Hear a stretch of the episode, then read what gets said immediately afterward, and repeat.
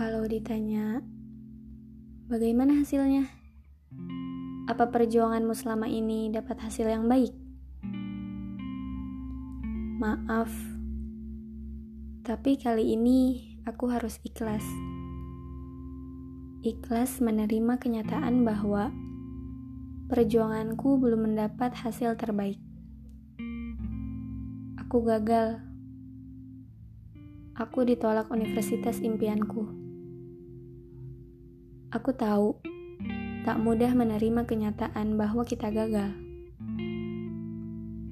Tapi aku yakin, mungkin Tuhan masih ingin melihat usahaku lagi, masih ingin melihat perjuanganku lagi. Tuhan juga ingin aku lebih dekat dengannya. Sekarang, aku mencoba untuk terus ikhlas karena aku yakin ini yang terbaik untukku. Apa pun yang menjadi milikku, maka pasti akan kudapatkan bagaimanapun jalannya. Dan apa pun yang bukan milikku, maka mau bagaimanapun cara mendapatkannya, aku takkan pernah berhasil. Aku pasrahkan dan serahkan semuanya kepada Tuhan.